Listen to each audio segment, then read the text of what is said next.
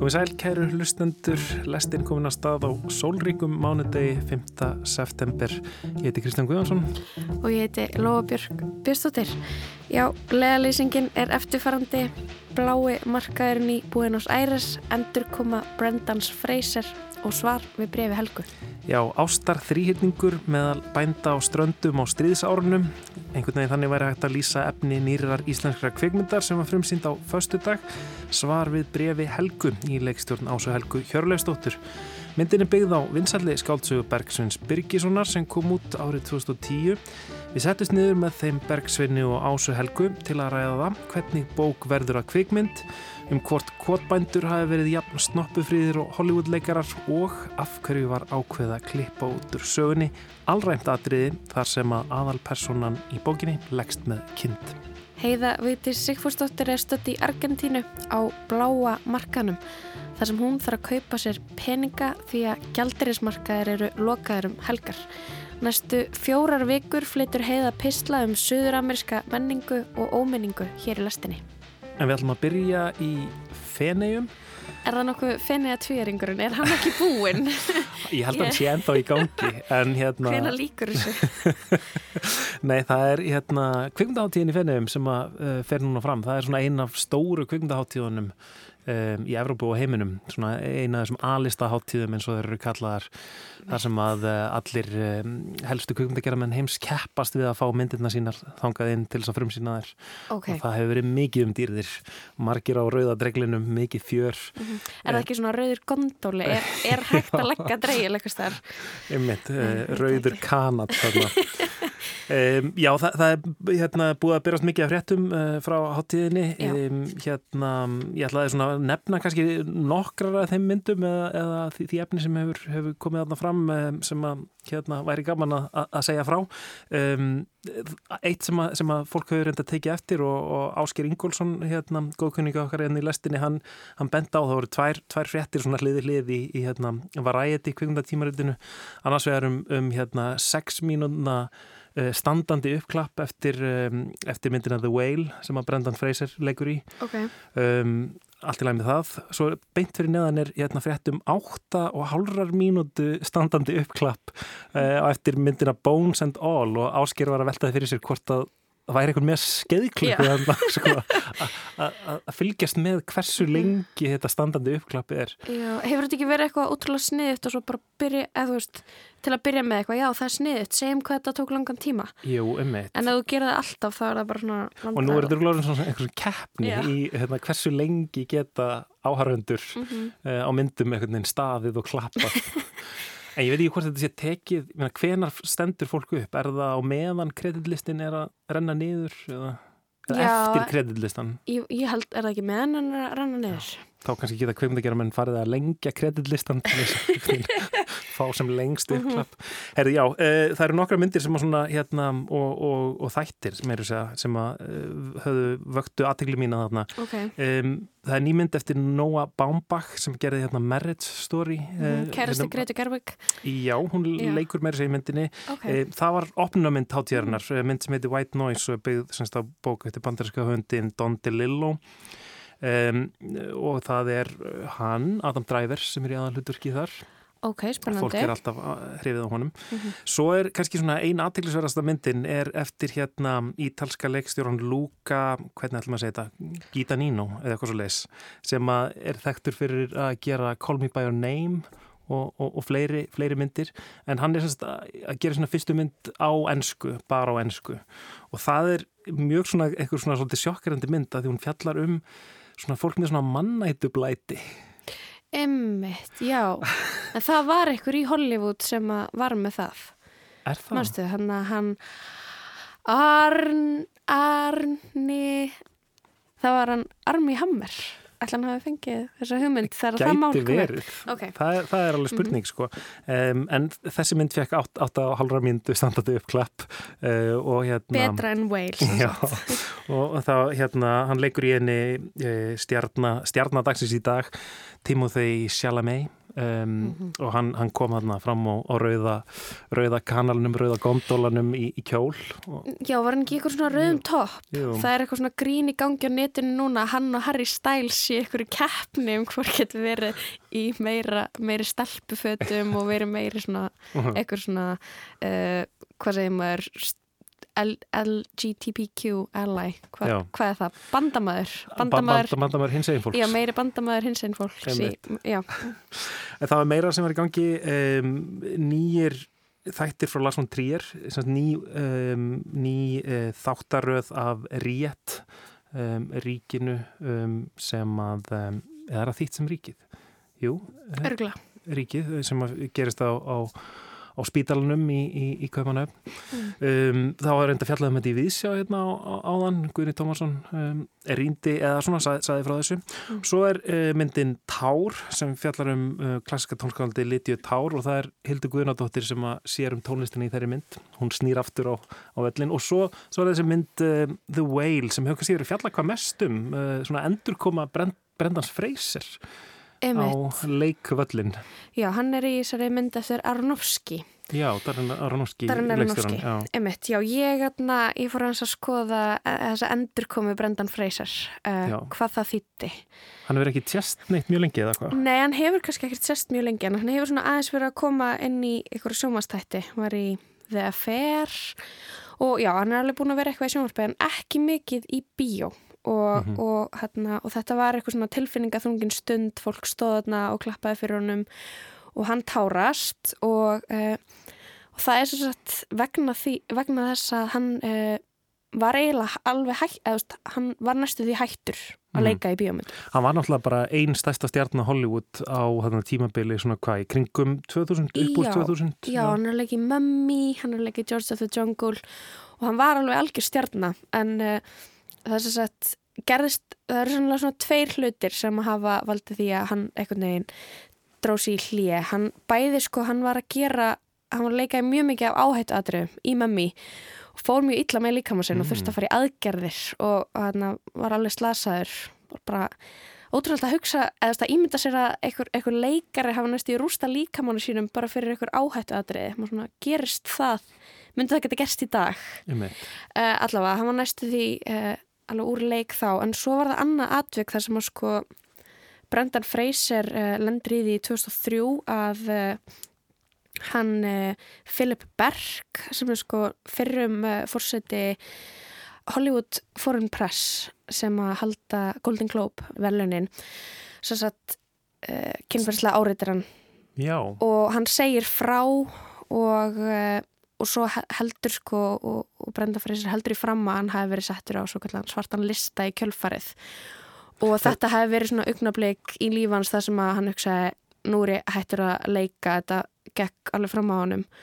Og svo, já og, og þannig að núna er eins og hann sé að eitthvað svona, já hann er eitthvað comeback út af því að það er líka það er náttúrulega mjög mikið búið að gerast einhvern veginn í þessu öllu samtali síðan 2003 fólk eh, stendur með honum út af því að ég meina 2003 karlmannlega karlmæri eins og hann segist að það verið kynferðslega misnotaður eða áreittur og það varð eiginlega bara svona meiri brandari heldur en tekið alvarlega sem ásökun og svo gefur þessi Filip út Filip Berg út, út æfisögu og já, játar, já ég kleipi rassina á hann og svona gerir alveg lítið úr þessu þegar það var alls ekki það, það var -hmm. mun verra sem mm -hmm. hann lendi í þannig að þegar hann einmitt eitthvað stendur á fætur á, á fremsýningun á, á veil þá og tárast þá, þá þýtti það eitthvað miklu meira heldur en nýmynd með, með Brendan Fraser.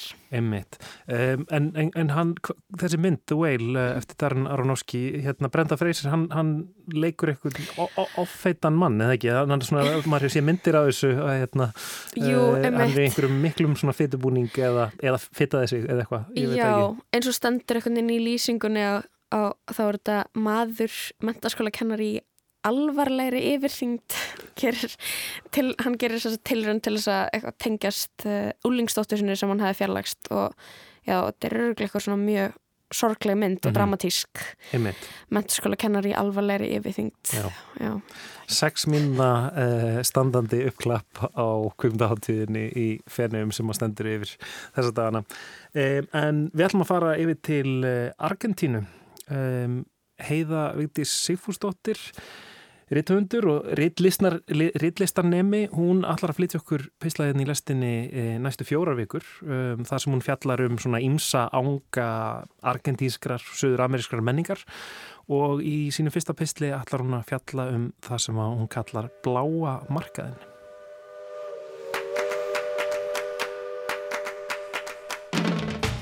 Sólinn er komin hátt á loft á þessum fyrsta lögadagsmórni septembermánaðar. Ætlurinn var að byrja daginn með tvöföldum espresso á Balagan, nýja uppáhalds kaffehúsinu mínu í borginni. En þegar ég var við það að taka í húnin á útýttirahörðinni, sem eru gleri, nam ég staðar og starði á blað sem limt hafi verið framann á hana. Puerta Sensible, Comunla Economía Argentina, upprápunarmerki, upprápunarmerki. Viðkvæm hörð, eins og argentíska hagkerfið, upprápunarmerki, upprápunarmerki, Trata con mucho amor, meðhendlist af mikilli ást. Þarna rann það upp fyrir mér. Ég hafði glemt að köpa mér pening fyrir helgina. Eða sko, ég hafði einfallega bara ekki pælt í því að gældirismarkaðir lokuðum helgar, en auðvitað gerir það. Google Maps vissi það og ég hafði líka átt að vita það. Og þó svo ég eigi alveg peninga er þeir bundnir inn á íslenskri bankabók og í bandariskum dollarum. Rétt áður en ég leiði að stað frá Reykjavík tók ég nefnilega út cirka 2000 dollara í gældurisraðbanka uppi á höfða. Ég kom seðlabúndunni fyrir í lítilli byttu sem ég faldi inn á mér og ferðaðist með út. Fyrst til Toronto, svo Montreal, síðan til São Paulo og loks hingað til Buenos Aires.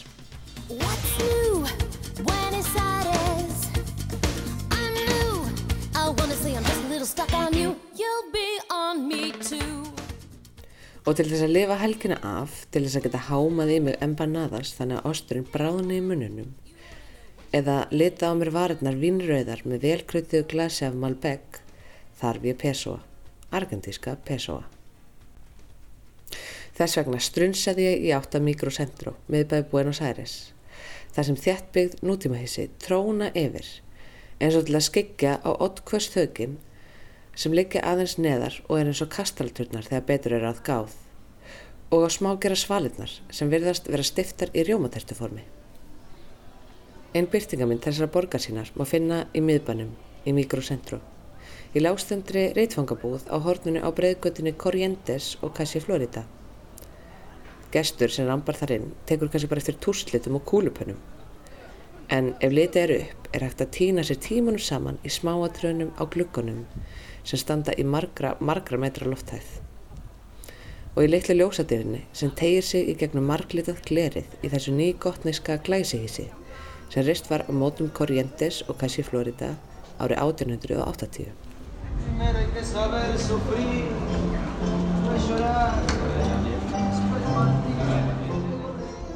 Já, hér flæðar hlutinu aðeins öðruvísi eða eins og nábúlsvölinu hafinn í hagfræði Simon Kuznets á að hafa orðað þetta. Það eru fjórar tegundir hagkerfa í heiminum, vanþróið, þróið, Japan og Argentina. Ég er komin á endastöð, begi inn Cassia Florida, þangar sem fáið sér ferðamenn geta alltaf leitað sér lausna ef viljin er fyrir hendi. Eða dollarar, þar að segja, þar sem fáið sér ferðamenn geta alltaf leitað sér lausna ef að þeir eiga dollara. Cambio, casa de cambio, dólares, cero reales, cambio, cambio. Cambio, cambio, casa de cambio, skiptimynd, skiptimynd, heimili skiptimyndana. Syngja trén eða los arbolitos eins og starfstjættin er yfirleitt kollið. Stjættin sem stendur upprétt öllum stundum á Cassia Florida í Buenos Aires og sér okkur hinnum fyrir súrefninum, peningunum, pesónum. Ég nefn staðar við hvert þeirra á fætur öðru og spyr hvaða gengi þau geta bóðið mér fyrir dólaran í dag. ¿A cuánto lo tienes? 2.75. 2.75. Sí. sí. 275. Pessoa segir ungur maður með langa drellokka. 279 pessoa segir skvísa í rauðri dúnulpu og loks segir svo síðasta sem er í fjólubláum joggingala. Hvaða verð vil þú fá fyrir dólaran þína í dag? ¿Qué precio está buscando? A ver si puedo llegar a ese precio. No. Dilo, dilo. Við semjum um 282 pesoa. Þetta er kannski ekki hagstæðast að gengið í borginni en þó nokkuð hagkvæmana en ofinbært gengi dólarans sem var 139 pesoar þegar gældirismarkaðar lokuð, lokuð fyrir helgi. Þannig fæði 282 í stað fyrir 139. Í Argentínu er nefnilega tvöfald gengi eða markfald. En það er allavega annars vegar hefðu ofinbæra gengi sem reiknast á höfbundin hátt eins og annar staðar og hins vegar óofinbæra gengið sem myndast við frambóð og eftirspurn á hennu svo kallaða bláa markaði. Argentíski pesón hefur nefnilega orðið fyrir daldi miklu aðkasti undanfarið. Hann er orðin mjög veikur, hefur fallið í verði og fyrir sífælt lækandi.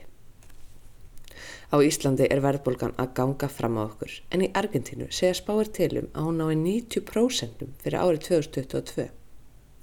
Það er að segja rauðvinsglas í byrjun ársins kostar næstuði tvöfalt meira í loka árs. Hérna er verðbólgan engin draugur, eldur bólunar buttan bókstarlega út með degi hverjum.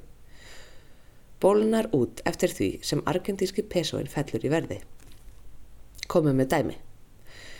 Einn 100 dólarar seðill, cirka 14.000 íslenskar, breytist í 29 stykki af lítrygum sæðlum í buttunni í Buenos Aires. 29 sæðla. Því bara skilja að fæstir vilja áasta spartnaðin sinn í pesóum í gældmenni þar sem verðmættin fyrðar bókstanlega upp. Eftirspurn eftir erlendum gældmennum í Argentinu í því gríðarlegum vexti og blái markaðurinn er á blúsandi siglingu. Og það sem ég komingað með fulla butta af dólarum er efnaðurinn minn eiginlega líka bara á blúsandi siglingu. Eða sko, með að veða gengið breytist frá degi til dags fæ ég allafana tvöfalt meira fyrir peningana mína með þessu móti en ef ég hefði tekið það út í hraðbonga í Buenos Aires.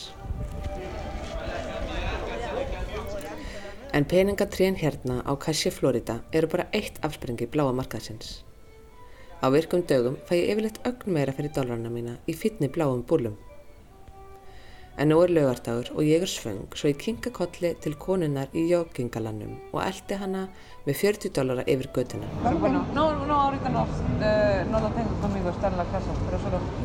Við göngum nokkur hundru metra áfram og inn í nokkur skonar veslunareiningu að litlum bá sem mertur er Casa de Cambio, heimili skiptimyndana. Ég kaupi mér pesoa afhendi tvö stykki af 20 dólar sæðlum sem ég fæ í skiptum fyrir 16 sæðla. Ég mist appelsínugula, grasgræna og fjólubláa. Ég sting sæðlunum í byttuna, loka henni með erfiðismunum og síðan fylgir konan í joggingalanum mér aftur út. Stingur rótur sinum niður í Cassi Florida og heldur áfram að syngja. Dólaris, euro, real,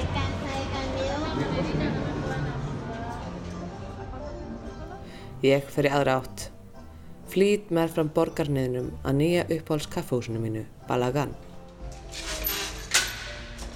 Án þess að átta mig á því skelli ég glerhörinu aftur og panta mér svo tvöfaldan espresso. Því allt er hægt ef villin er fyrir hendi.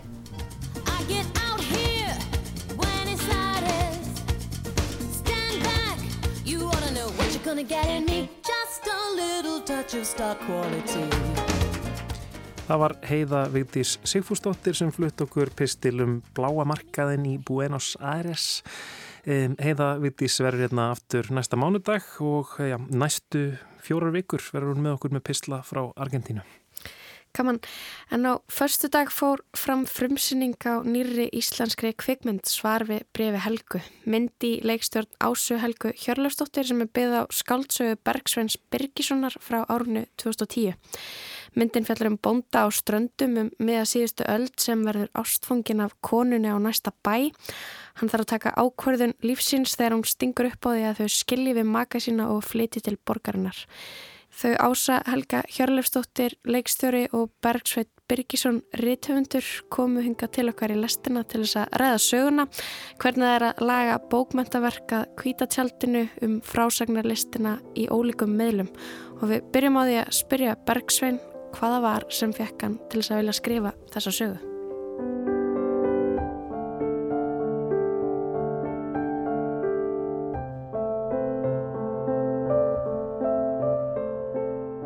Já, það er nú kannski engin eitt punktur þar, sko. Um, ég hef verið svo langsamur að fá að uh, svona alast upp í tveimur menningarheimin sem ég kalla, annars er svona á asfaltinu hér Sunnalands og hins vegar uh, Norður á Ströndum þar sem ég var svona í sveitt og, og fekk að kynast ömmu minn og afa og, og fyrir mér voru þetta tveir menningareimar og mér fannst þessi kynslu þarna fætt svona snemma upp úr aldamótum afskaplega spennandi og, og kannski ekki búið að gera henni svo mikið skil, allavega ekki skil eins og ég vildi. Þetta var, við verðum líka að skoða þetta í svolítið menningarsögulegu samingi. Ég fyrir að skoða þetta svona, að setja þetta saman svona snemma upp úr 2000 þegar að fyrir að þingja svolítið á svona ákveðinu peningamenningu hérna í þessu landi og þar með vissu gildismatti sem að mér fannst svona vera tóltið rauðljós farin að blikka eh, það var einhvern veginn fórtíðin var einhvers konar niðurlæging og primitív og uh, fólk átti sér ekkert líf en loksins voru við orðin rík, auðug og áttum hamingu sem að uh, þá gengna kynsluður hafðu, aldrei kynst. Það er að segja, þetta er auðvitað svona tendens sem er mjög þekktur í, í mannlegu félagi og gamal það að svo kvöldur framfara trú að við séum alltaf að fara lengra og lengra fram og uh, hættan í þessu sem að margir hafa bent á er svo að við gerum einhvern veginn fortíðina að uh, einhverjum samfélagi barbara uh, og við séum svona einhvern veginn fyrstu manneskjutnar á jörðinni. Þetta er afskaplega hættulegt mat og mér langaði til dæmis að ráðast á þessar grunn tilfinningar aðeins og sína að það skiptir einhver máli hversu fábrótið hrjóstruktur í kringu því. Þú ert alltaf með þennan ákveðan pakka af grunn tilfinningum sem að eh, er óumbreytanlegur og sem að, að hefur alltaf verið þarna svo lengi sem að menna minnskust hafa skrifað og eh, sem að eh, við höfum ekkert þróast, ekki neitt, kannski öllu heldur þvert á móti. En að þess að ég ætla að gerast neitt svona pessimisti hérna. En, en þetta var þetta var sem sagt svona menningarsögulegi e, kvatin til að skrifa þessu sög og ég held, ég hef ekki gert margt svona gáfulegt í lífinu en ég gerði eitt gáfulegt þarna. Og, og það var það að árið 2008 þegar ég búið með bókina þá beigði ég með að gefa hann út. Vegna sem ég fannst ekki jarðvegur fyrir það var þessi andi sem við nefndum á þann að ah, eitthvað gamalt svona sveita drastl um, fátækt, niðurlæging um, þannig beigð uh, fram til 2010 þegar mér fannst ástandi vera meira svona limbo mm. og jætvel menn voru farnir að hugsa það var náttúrulega einhvern veginn sviðin jörð hér mm. menn voru farnir að hugsa, býtu var ekki eitthvað mm. var ekki eitthvað menning hérna áður en allt þetta reyði yfir og þá kom hún held í einu og ég held að það skýri svolítið að hún hafi, hafi verið bara semilega tekið þarna strax um, En Ása, hvenar, hvenar kynist þú sér sögu og, og hvernig og var, fórstu strax að hugsa það sem verksveitnir að lýsa eða e, áttu eitthvað annar samband við í... svarum í brefi helgu? Já um, ég ég var út í námi þegar bókinn kemur út og var bara í svona, ég var í kvikmyndanámi í Kolumbia og var bara rosalega mikið með hausinn í því. Og hérna ég man ekki eins og einhvers ég hef farið heim þessi jól eða þú veist ég, ég man bara ég, ég hérna ég frétti af bókinni og ég hérna sem ég saði eitthvað staðar um daginn ég svona fann fyrir því að það voru allir að lesa hana og ég fann fyrir svona ég fann fyrir þessu brefi einhvern veginn, það var svona eins og eins og eitthvað bref sem ég ætti eftir að opna uh, sem væri samt mjög merkingar fullt, fullt og myndi breyta miklu fyrir mig. Um, en ég bara var ekki, já ég var eins og sé, ég var einhvern veginn bara annar staðar bara, og ég, þannig ég las hann ekki strax. Um, ég les hana einhverjum árum setna og bara var var mjög hrifin og var einhvern veginn, ég held að ég hafi líka verið nýbúin að lesa þá í fyrsta skipti Lady Chatterley's Lover. Og mér fannst þetta að vera svona er, ég hugsaði sko, heyri, þetta er svona þetta er svona næstu því íslensk í Trettalins lofver sko, það fyrir til að hérna, hún er náttúrulega svo margt annað en, sko, en þetta element þessi bara svona eins og þú segir að fara inn í þessa þessar svona grunn tilfinningar og, og, og bara svona uh, og bara þessa erotík og þessa ást og einhvern veginn uh, þú veist með svona fáar en svona sterkar personur á þessu sögursviði, mér finnst þetta já, mér finnst þetta einhvern veginn ótrúlega uh, einstakt. Ég sá þetta ekki fyrir mig strax sem kveikmynd, nei. Mm -hmm. en ég hérna en, en núna þegar að öll þessi ári eru liðin og svo náttúrulega síðan aftur náttúrulega þegar ég fekk þetta örlegaríka símtall frá skúla og Birgitu, skúla Malmqvist og Birgitu Bjóstadur um að hérna hvort ég hefði áhugaði að leikstýra aðlugun á Salbrif Helgu. Að þá í rauninni já og nú, núna mörgum árum setna að þá, þá sé ég það og kannski líka núna bara eftir að myndinu komin út og allt í unni sá ég hvað ég upplifi líka bókina sem svona eins og svona mítológiskan struktúr svona næstu svona eins og eitthvað á goðafræði að því að hún er orðin, hún er náttúrulega svo elskuð og svo er þetta, svo, er þetta manneskjur sem ég held að einhvern veginn, ég heyri það bara og sé það hvað margir kannast við. Unni bjarna helgu, þetta er einhvern veginn eins og allir hafi þekkt þetta fólk einhver tíman eða ég vil eru þetta fólk. Og það er einhverjar svona það eru svona erki kannski er þetta erkitýpur en það er alltaf að ég, ég, ég, ég hugsaði alltaf einu að ég fattaði alltaf einu bara núna fyrir nokkrum tökum að, að ég hugsaði þetta svolítið sem þannig mítológískan struktúr og kannski þess vegna líka fannst mér eins og með bara mítológíu eða með Shakespeare eða með þessi svona óbúslega sterku verk að þá svona eins og hefur maður svolítið andrið mig líka til að fara, þú veist, koma inn með sína fagufræði eða, eða sína sín að því að hérna beinagrindin er svo rosalega sterk mm -hmm. og ekki bara beinagrindin, þetta er líka andin sko, þú veist Frá því leiður okkar skildu hef ég skrifað þér mörg bref en jafnóðum eitt um öllum. Þau voru full af reyði og beiskju. Gæti ekki hugsa heila hugsun hvað það skrifa. Ég þurfti að brjóta mig leið út sem er tókst þetta kvöld sem ég sendi þig heim.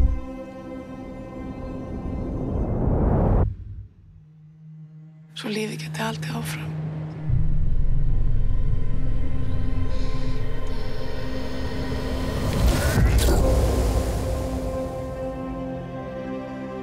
Þetta er listilega vel skrifið byrjun og sögu sem fjalla síðan á endanum um okkur að tíð anstæða. Þú hefur vantilega heyrt sögurnar um mig og þig byrjaði þetta?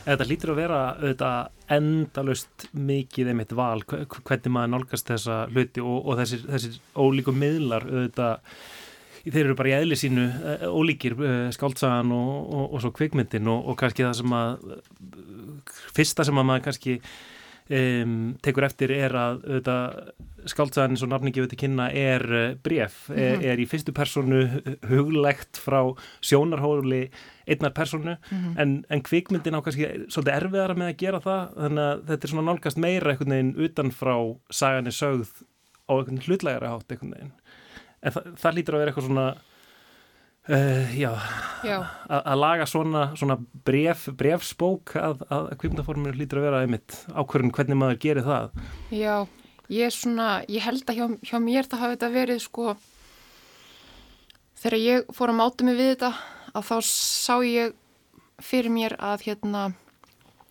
við værum, jú, með sjónarhórniðan spjallna en síðan væri hann eins og í samtali við þessar konur í lífi sínu og það væri svona eins og þetta væri svona eins og þrýrningur og þau væri allir í samtali og þannig að ég upplifði ekki að ég væri einhvern veginn að gera þetta um, að gera þetta einhvern veginn minna, minna subjektíft heldur meira bara að ég væri einhvern veginn ég væri komið með svona samtal og það væri eða það var svona einhvern veginn, ég fann að það var svona eins og bara ég, það var svona eins og einhver bara eitthvað dræf hjá mér, mm. mér langaði til að, til að gera það mm. og ég svona ég hafði ekki séð þannig mynd áður beint heldur og mér fannst það svolítið áhugaverð tilraun líka með miðelin að því mann er svo oft sagt sko hvað kvikmyndamiðlinn sé einfaldur og hann sé einfaldari en þú veist en hérna skáldsaknaformið hann geti verið, þú veist, það þurfa að vera allt svo rosalega miðað við gjörðir og hérna, og bara mann er kent í kvikmyndaskóla, þú veist, að þetta snúist um alltaf að snúa sálfræði í hegðun. Það er svona, þú veist, alltaf, alltaf sumum skólum, mm -hmm. þetta sé eitthvað neinn, þú veist, að reyna þú veist, að sína innra líf með því að, veist, með því að sjá hvað fólk gerir. En ég held einmitt að kvikmyndamiðlinn sé alveg ótrúlega spennandi miðl til þess að sína innra líf. Og stundum að þá getur fólk ekkert nefnilega fært sín sitt innra líf í, í hérna einhverja gjörðir. Ég meina, það er mjög, mjög oft sem maður getur ekki gert það. Um, þannig að mér að vera svona já, ég fór að upplifa sko ég langaði alltaf að prófa að gera mynd þar sem við værum með, þú veist, fleirin eitt sjónarótt þó svo að ég upplifa ennþá bjarnar sem aðalpersonu myndarinnar en við erum með þessi tvö sterku önnur sjónarótt og við værum að það væri rosalegt flæði, það væri ekkit endilega, það væri, væri flæði á millir allra og það væri líka flæði í hérna í tíma, veist, framtíð, nútíð, mm. fortíð sem minnst líka svo ótrúlega flott í bókinni og ég, svona, ég var að reyna ég var að reyna að gera mínu útgáfi af því þú veist, þessu svona að við erum hérna stödd uh, á einum stað en erum líka stödd sko einhvern tíman á miðöldum og erum líka komin, þú veist í, hérna, í framtíðina og já mm. En þetta kannski, er þetta ekki líka eitthvað sem, ræðst í svo, komst þú að því að skrifa handrétti að kveikmyndinni? Já, reyndar, sko, þá uh, voru við sem sagt Otto Gerborg búin mm. að skrifa handrit og, og uh, það svona, það tók óvænta stefnu, sko, til dæmis það sem gerðist um, strax þarna í handritunum var einmitt að unnur, uh, einum þessum líkilpersonum, byrtist og, og var daldið vel sínileg sem hún er eiginlega ekki í bókinni. Það er meira svona, hennar harmsaga er meira svona svipur eða skuggi í bakgrunnum. Mm. og þá var það hugsað út frá því einfallega að, að fólk á ofta erfitt með að sjá þann sem er nánastur en e, það er kannski er svona eitt af þessum atriðum sem að breytust mjög frá bókinni. Það var það var þessi e, þrýhyrningarsaga og þessi, þessi rómassa sem að kemur miklu sterkar fram. E, annars vildi ég segja það svona fyrir mér er þetta allt svona svolítið stór svona mannfræðtilrund sem ég kalla mm. e, ég hef séð þessa sögu fara inn í svona ími samingi í Danmörku sá ég gamlan mann sitja með sögðafeld á aukslinu og segja söguna bara. E, í Fraklandi var að, var að gammal maður með ljómsveit. Mm. E, í Noregi voru Bjarni og Helga á sviðinu mm -hmm. og tóku eitthvað neina yfir söguna gerðin skilunnur ekki til. Mm -hmm. e, og eins og þessu danska þá var, þá var, var allur kultúr ber strípaður burt. Það er bara ástasagan og svo eh, hérna Ólafur Egils í, í leikúsunni hér, borgarleikúsunnu sem gerði þetta á sinn hátt þannig að, að mér finnst þetta allt vera afskaplega áhugavert og skemmtilegt og, eh, og eh, Ása Helga hefur valið alveg sína leið og uh, valið að fara á dýftina á einhverjar kannski færri tilfinningar en valið að fara alveg í dýftina á þeim. Og mér finnst það djárst og mér finnst það fallegt og mér finnst það vel hefnað uh, því að um, það er náttúrulega það er náttúrulega líka smá menningasaga í þessu og ég hafði svona sapnað, ég var svo heppin að hitta stoltið af gömlum sagnamönnum sem að bæði breyðafyrinum og ströndum sem að, að hérna sagt með svona ímiskona skemmtilega anekdótur og sögur ég nefni, nefni þá aftast í bókinni líka. Og, eh, og eh, það er kannski það sem að eh, er líka mikil áskorun og kannski þarf það ekki það þarf ekki í, í svona kvikmynd eh, hún er að mér finnst þá hvernig farmallin byrtist og, og, og, og sprengingarna koma Já. í stríðinu þá er hún eiginlega tímalös Ég, ma maður einhvern veginn var svona í, í, Mm. í uh, alveg algjöru tímalesi mér finnst það líka uh, skemmtilegt Mhm. uh, að það sé hægt að gera það Þetta er eitthvað sem við rættum um eitt svona, eða mér fannst það svo uh, þegar að þessi leikarar komu bara í, inn í verkefnið, þá fannst mér það svo magnað hvernig, þú veist, þau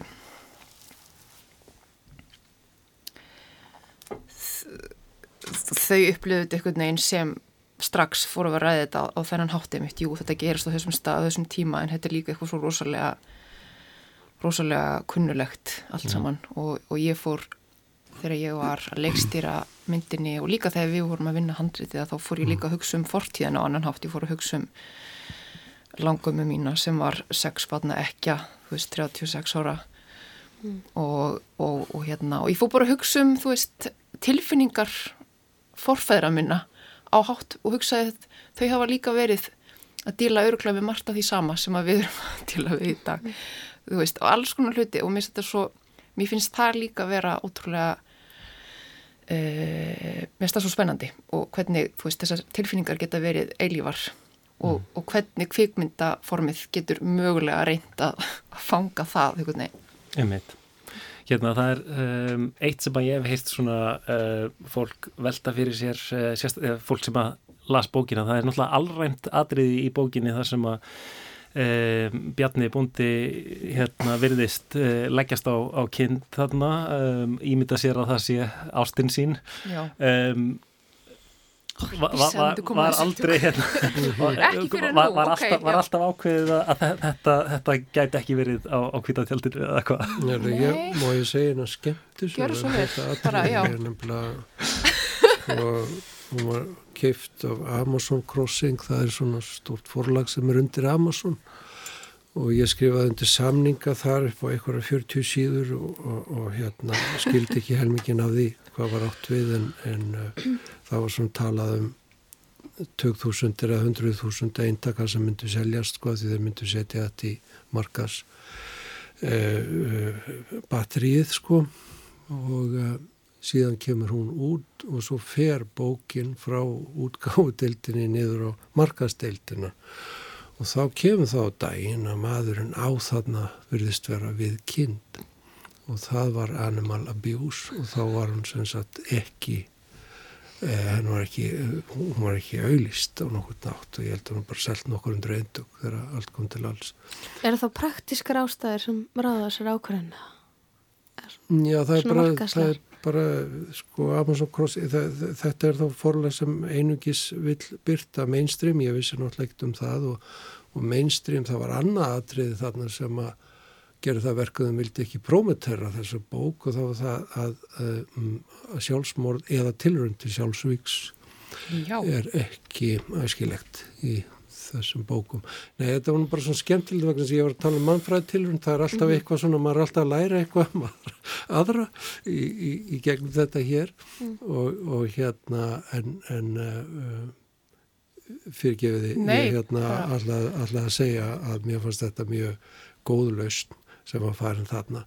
Uh, það eru náttúrulega svona þröngar í skorður en ég vil þó benda á það að all flestir sem á að lesa þessa bók þeir taka ekkit eftir því að uh, það sé þarna. Þannig ég gerir svo sem ekkit úr því. Þannig lagað. Og svo er alltaf þessi heimsbyggilega spurning sem sittur eftir sem ég ætla ekki að yrða hér Nei. í útsendingunni en, en uh, hvernig við komum fram í dýr Já, en sko ég, ég, þetta er líka þetta hérna, það, ég, þetta var alls ekki strax tekið út, nei, og ég meiri segja alveg bara fram á síðustu stundu voru, já, þetta var svona eitthvað neginn, stundum inni, stundum ekki og ég Þannig að Þorvaldur Davíð lék, lék þessa sinu Ég man ekki nákvæmlega fyrir hvort þau Hún er til eitthvað staðar. Hún er til eitthvað staðar. Cut. Hörðum disk. Nei, hérna, ég sko... Það er er spurning. Nei, ég, hérna, nei, við, við tókum þetta út sko fyrir tökur, en, en ég bara, það er náttúrulega öðruvísi að sjá eitthvað. Þú segir einmitt, fólk tekur kannski jafnvel ekki eftir því, þegar, en það, þú tekur held ég svolítið eftir því að þú, að þú sýnir þetta, en kannski, en, en ég, við íhuguðum líka í manna einhver tíman var einhver svona mm -hmm. sena sem var svona sé, var ég að sjá þetta, var ég ekki að sjá þetta bara svona í einhverju svona mm -hmm. drömkendu flæði. Ég íhuguði það líka. En síðan á endanum þegar að myndin fór að verða svolítið líka bara svona mikið um uh, hjónaband Bjarn og Unnar að, og svo var hann hætti komin sena bara beint á undan þessu sem þau rýfast alveg heiftarlega. Og ánveg að hérna, segja hvað gerist þar að þá, þá var þar komin einhver rosalegur svona rock bottom fyrir Bjarnafann sem er í þeirri senu að því hann segir svo svakalega hlut og ég er svona bara ég eiginlega bara mér fannst þetta bara að vera að koma gott. Eða þú veist, hann var bara alveg hérna já, það var eiginlega eitthvað svoleiðis balansfaktor líka sem spilaði inn í. Mm -hmm. en já. Mér, mér var eitthvað nefn að fara að gruna að þetta væri sko ef ef, ef við ættum að hafa samú með Bjarnar og þykja væntum hann þá gætum við ekki fyrirgefu honum ef hann myndi svífir það kinn og, og þá hættan á myndi maður einhvern veginn missa trú á honum allavega í svona það myndi eins og það myndi breyta myndinu of mikið að mm. setja það inn. En það var ekki það, var ekki það sem riði þessar ákvörðun Það var ekki það sem riði þessar ákvörðun, nei ég, ég, nein, en það var samt sannarlega voru það rattir í gegnum þetta allt sem að, mm. þú veist jú, og, mm. og ég hugsaði um mitt, ég hugsaði þetta alveg bara einhvern veginn, mm. Eh, einhvern veginn í bíómynd erum við bara að fara er bara hálfur salurinn að fara að lappa En þetta er auðvitað eins og þú segir sko, en, þetta er kannski líka þessir ólíku, með, ólíku meðlar að þú getur, já. þegar þú skrifar þá getur þú einhvern veginn uh, í að að einhverju sagt frá einhverju á, á, á þann hátt að en, en í mynd þá yfirleitt náttúrulega mitt sínur auða Já, já, já, já. Mm. En þetta er kannski svona í uh, svona svama svæði og til dæmis bara útlitt leikarana og hvernig þið líti út og, og, og svona eitthvað neginn þau eru kannski harnaskjulegri í, í bókinni en, en svo þegar það þarf að þýða það yfir, að, yfir í bíomund þá kannski verða þau falleri og uh, hvernig segjum maður uh, mótari og snoppifríðari uh, það er eitthvað sem við höfum verið að ræða svona útliti á þeim og, og það þannig að voru þau eru þau ekki aðeins krútleiri í myndinu þinni heldur en í, í bókinans Bergsveins Jú, og hreinum og, og fínum fötum Já, og hreinum og fín.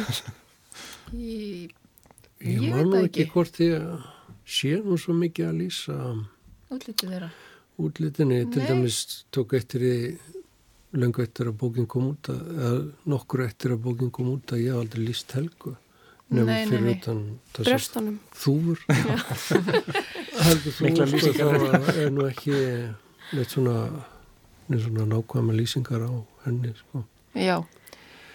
Ég valdi þessa leikara fyrst og fremst út af því að mér fannst þau vera uh, ég er náttúrulega vann með Þorvaldi í Svaninum og ég hérna uh, hafði líka unni með Heru áður. Aldrei unni með Anítu en hún gerð svonlega blew me away í pröfunni sinni. Hún pröfaði fyrst sem Helga svo unnur Hún blés þér í burtu fyrir ekki að... Hún blés mér í burtu, já, hún blés takk Bergsveit. Ég er inn í ríkisútvarpil. Um, en sko, já, ég, ég hugsaði samt alveg, ég mannilega eftir þessar hugsun hugsaði að þetta er kannski, hérna, þú veist, þau eru, þetta er orðið svona eitthvað neginn Hollywood, eh, þú veist, eitthvað, en síðan, þú veist, þau, ég held að þessum, þau eru bara, þetta eru bara lista, þau, þau eru bara listamönu heimsmælu hverða og mér finnst þau hafa akkurat, ég valdi þau að að þau gáð, sko voru tilbúin að fara í þetta ferðalag sem að mér langaði til að fara í með þeim. Þess, þessar tilfinningar, þetta gráa svæði þetta svona um, þetta, þessi kás sem það er að vera manneskja þú veist, mér finnst þau geta sínt það uh, á kameru og, og ég það var þessuna sem ég veldi þau. Mm. um, og svo bara reyndu við að svo bara, einhvern veginn unnum við svolítið út frá því þá bara. Og já, einmitt, og ég, einmitt, ég held að ég hafa ekki Þetta eru auðvitað þeir leikarar sem hafa náttúrulega náð hvað lengst af íslenskum leikurum í kvikmyndaleg og, og hérna, víst, hér og Anita náttúrulega bara alþjóðlegar stjórnur eða, eða, eða gert sig gildandi á alþjóðlegum vettvangi og hérna, þannig að þetta eru kvikmyndaleikarar alveg út í gegn. Já, og ég man eftir í einhvern tíman í ferlinu að hafa hugsað ég skil orðið hérna kvikmyndastjarnar, eftir skil akkur það er, akkur tala um stjörnu að því að mm. það er eitthvað svona þú veist einhver útgíslun sem er bara alveg mm -hmm. vagnuð sko En Bergsson, hefðu þú ekki viljað hafa þetta skýtura og, og, og dónalæra eða hvað? Ég veit ekki, það má vel vera að það hefði verið skemmtilegt en það er kannski það er kannski þá erfið er er að fá fólk til að koma og líta á það sko. það er kannski af því að, að, því að við, við hérna rittöndar erum doldið svona ég, held, ég meði segja aðeins frjálsari andar heldur en sá sem að þarf leikstýra verki vegna þess að það er, það er allar gjörðir eru mjög dýrar og, og það eru framleiðendur og það er budget og og, og þar fram til göttum þannig að, að um, ég skil alveg þetta, þetta val sko. Og svo sem tröflaði mig ekkert um, ekkert uh, þannig lagað, átakanlega að það væri ofalleg að vera ofalleg nei, það er, það er nú það var nú tilfallegt fólki já, það ekki? Sko. Jú, við ég var nú um minna það. sko. Það, það hérna, var til sko. um, en varandi búningana þá í rauninni, var það líka svolítið, það var í rauninni, var eistneskur búninguhönnur sem hefur gert rosalega mikið, hann gerir myndin um Tófi Jansson og, og unni mikið í Skandinavíu og hérna hann, uh, hann var, já, hann náttúrulega, ég man að ég, ég, ég það var svona svolítið, ég, ég var alltaf að, ég var svolítið, Days of Heaven var svona við, viðmiðið mitt sem búningamynd eða þannig. Og, og hérna, en hann var held ég meira í einhver annar átt. Og þetta var svona einhver, við vorum að hérna, dansa þannig einhver dans. En síðan finnst mér líka um, mér finnst líka alveg uh, mér finnst líka svolítið gaman hvernig hann Eugen, hann hérna hann var alltaf að hugsa um karakter. Hann var alltaf að hugsa um hvernig þetta fólk verið tjá persónuleika sinn. Stundum, þú veist, já, og ég, hérna, ég, ég var svona ofta að henda sandi á búningana til að gera, til að gera, gera það skýtuari en hann var ofta, hann var eiginlega alltaf mér varst það ótrúlega gaman, hann var eins og Helga er hann einhver tíman, einhverju sénu sem hún er bara heima hjá sér um kvöld með Hallgrími og hún er í einhverjum svona blóma sloppi sem að sem að ég veit ekki alveg, þú veist, hvar hún hefði fengið hann eða, en þetta er samt eitthvað svo mikið hún og líka hún, við ákveðum strax, hún væri svona kona sem væri í buksum, myndi velja að vera í buksum mm. og það voru svona hlutir sem að um, þú veist, við, fó, við fórum eða bara, það var svona leðaljósuð okkar mm. og meðan Bjarn og Unnur væri meira svona að reyna, ver, svolítið svona leika hinn fullkomnu fullkomna par í þessum fullkomna bæ og þau væru, og þess vegna kannski urðu þau stundum svolítið svona Uh, þú veist, í svolítið svona proper fullkomnum uh, fötum. Mm -hmm. en já, þannig að það, það var líka þú veist, mér finnst það líka skipta máli að hugsa, einmitt, fólk í gamla daga var líka fallegt, fólk í gamla daga var líka nota fötun sín sem leð til þess að tjá eitthvað persónuleika, örglega konur þú veist, aðrir bara að hafa það líka sem viðmið ekki mm. bara hvort þetta hefði verið akkurat alveg trúverðugt fyrir perióðuna, ég meina, þú veist, ég held að ef ekki eins og verið komið ramagn og strandir fyrir en 70 Nei, eitthvað. Það var eitthvað í kringum það. Uh, þannig að við mm sannarlega tókum okkur mm. bestu leifi með að við, það var endur ekki, það er endur ekki rafmagn hann það sem Helga býr en það sem Bjarn og Unnur búa þá að köðu að væri rafmagn og neðra hæðinni og svona hlutir, þú veist, sem að er. Mm -hmm. En að öllum öðrum ólöstum þá finnst mér nú sér ekki sigur hans einna fallegastur Já. Svona það fyrir eftir þetta hvað leggur til grundvallar en mér varst það mjög skemmtilegt mm. Já, já, já, já, já. var einmitt þessi gamli búndi mm. þetta fallega stórskórna andlit Já, hann fekk augabrýr líka, auga hérna, aðeins mm. það fór hann vel Mm Mér, langar að lókum samt að spyrja út í lestrarfélagið. Já. Það er svona, það fær mikið vægi í, í myndinni og það er á köplum eins og maður sé með í bókaklúp, maður setji þessum eh, meðlumur. Já, og, og við erum að hlusta upplestur og svona.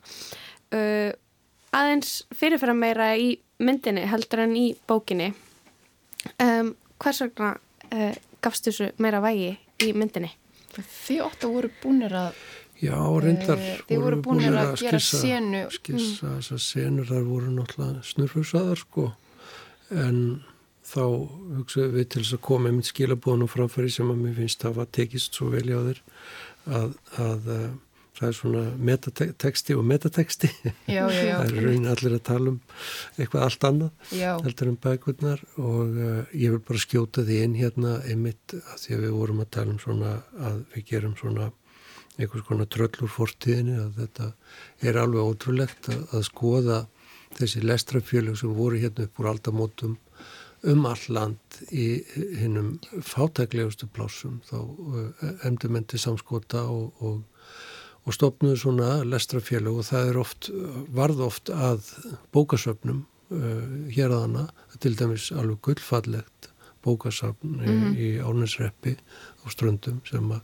það var kiftinn í atmjöl frá útlöndum og, og viður um landið þannig að, að þetta er alveg menningarsögulegur veruleiki þannig að baka þetta þó þetta fái e, svolítið annað væg Já, ég fór að upplifa þetta mjög mikið sem svona gríska kórin í myndinu mm.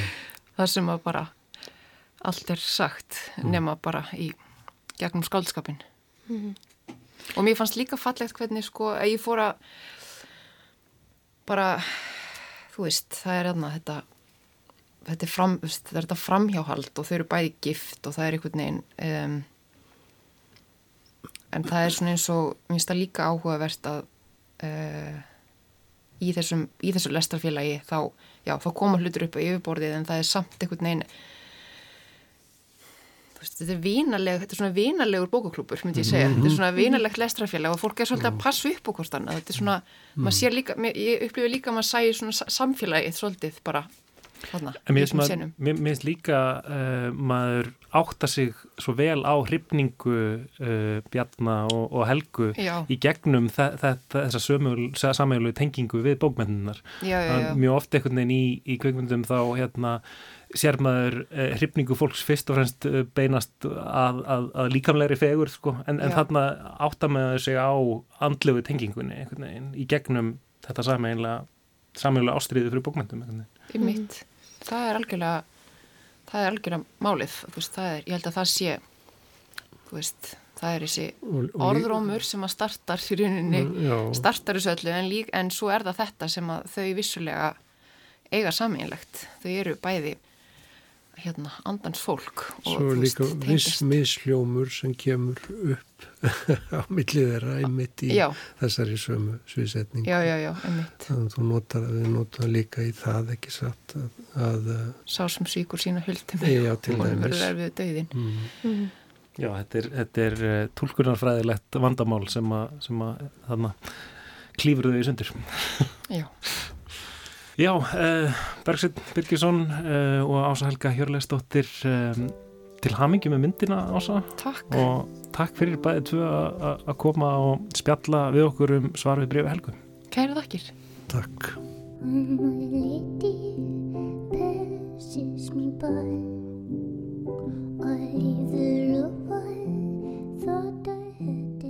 Það er Kristín Anna Valtísdóttir sem að slær botnin í lestina þennan mánudaginn.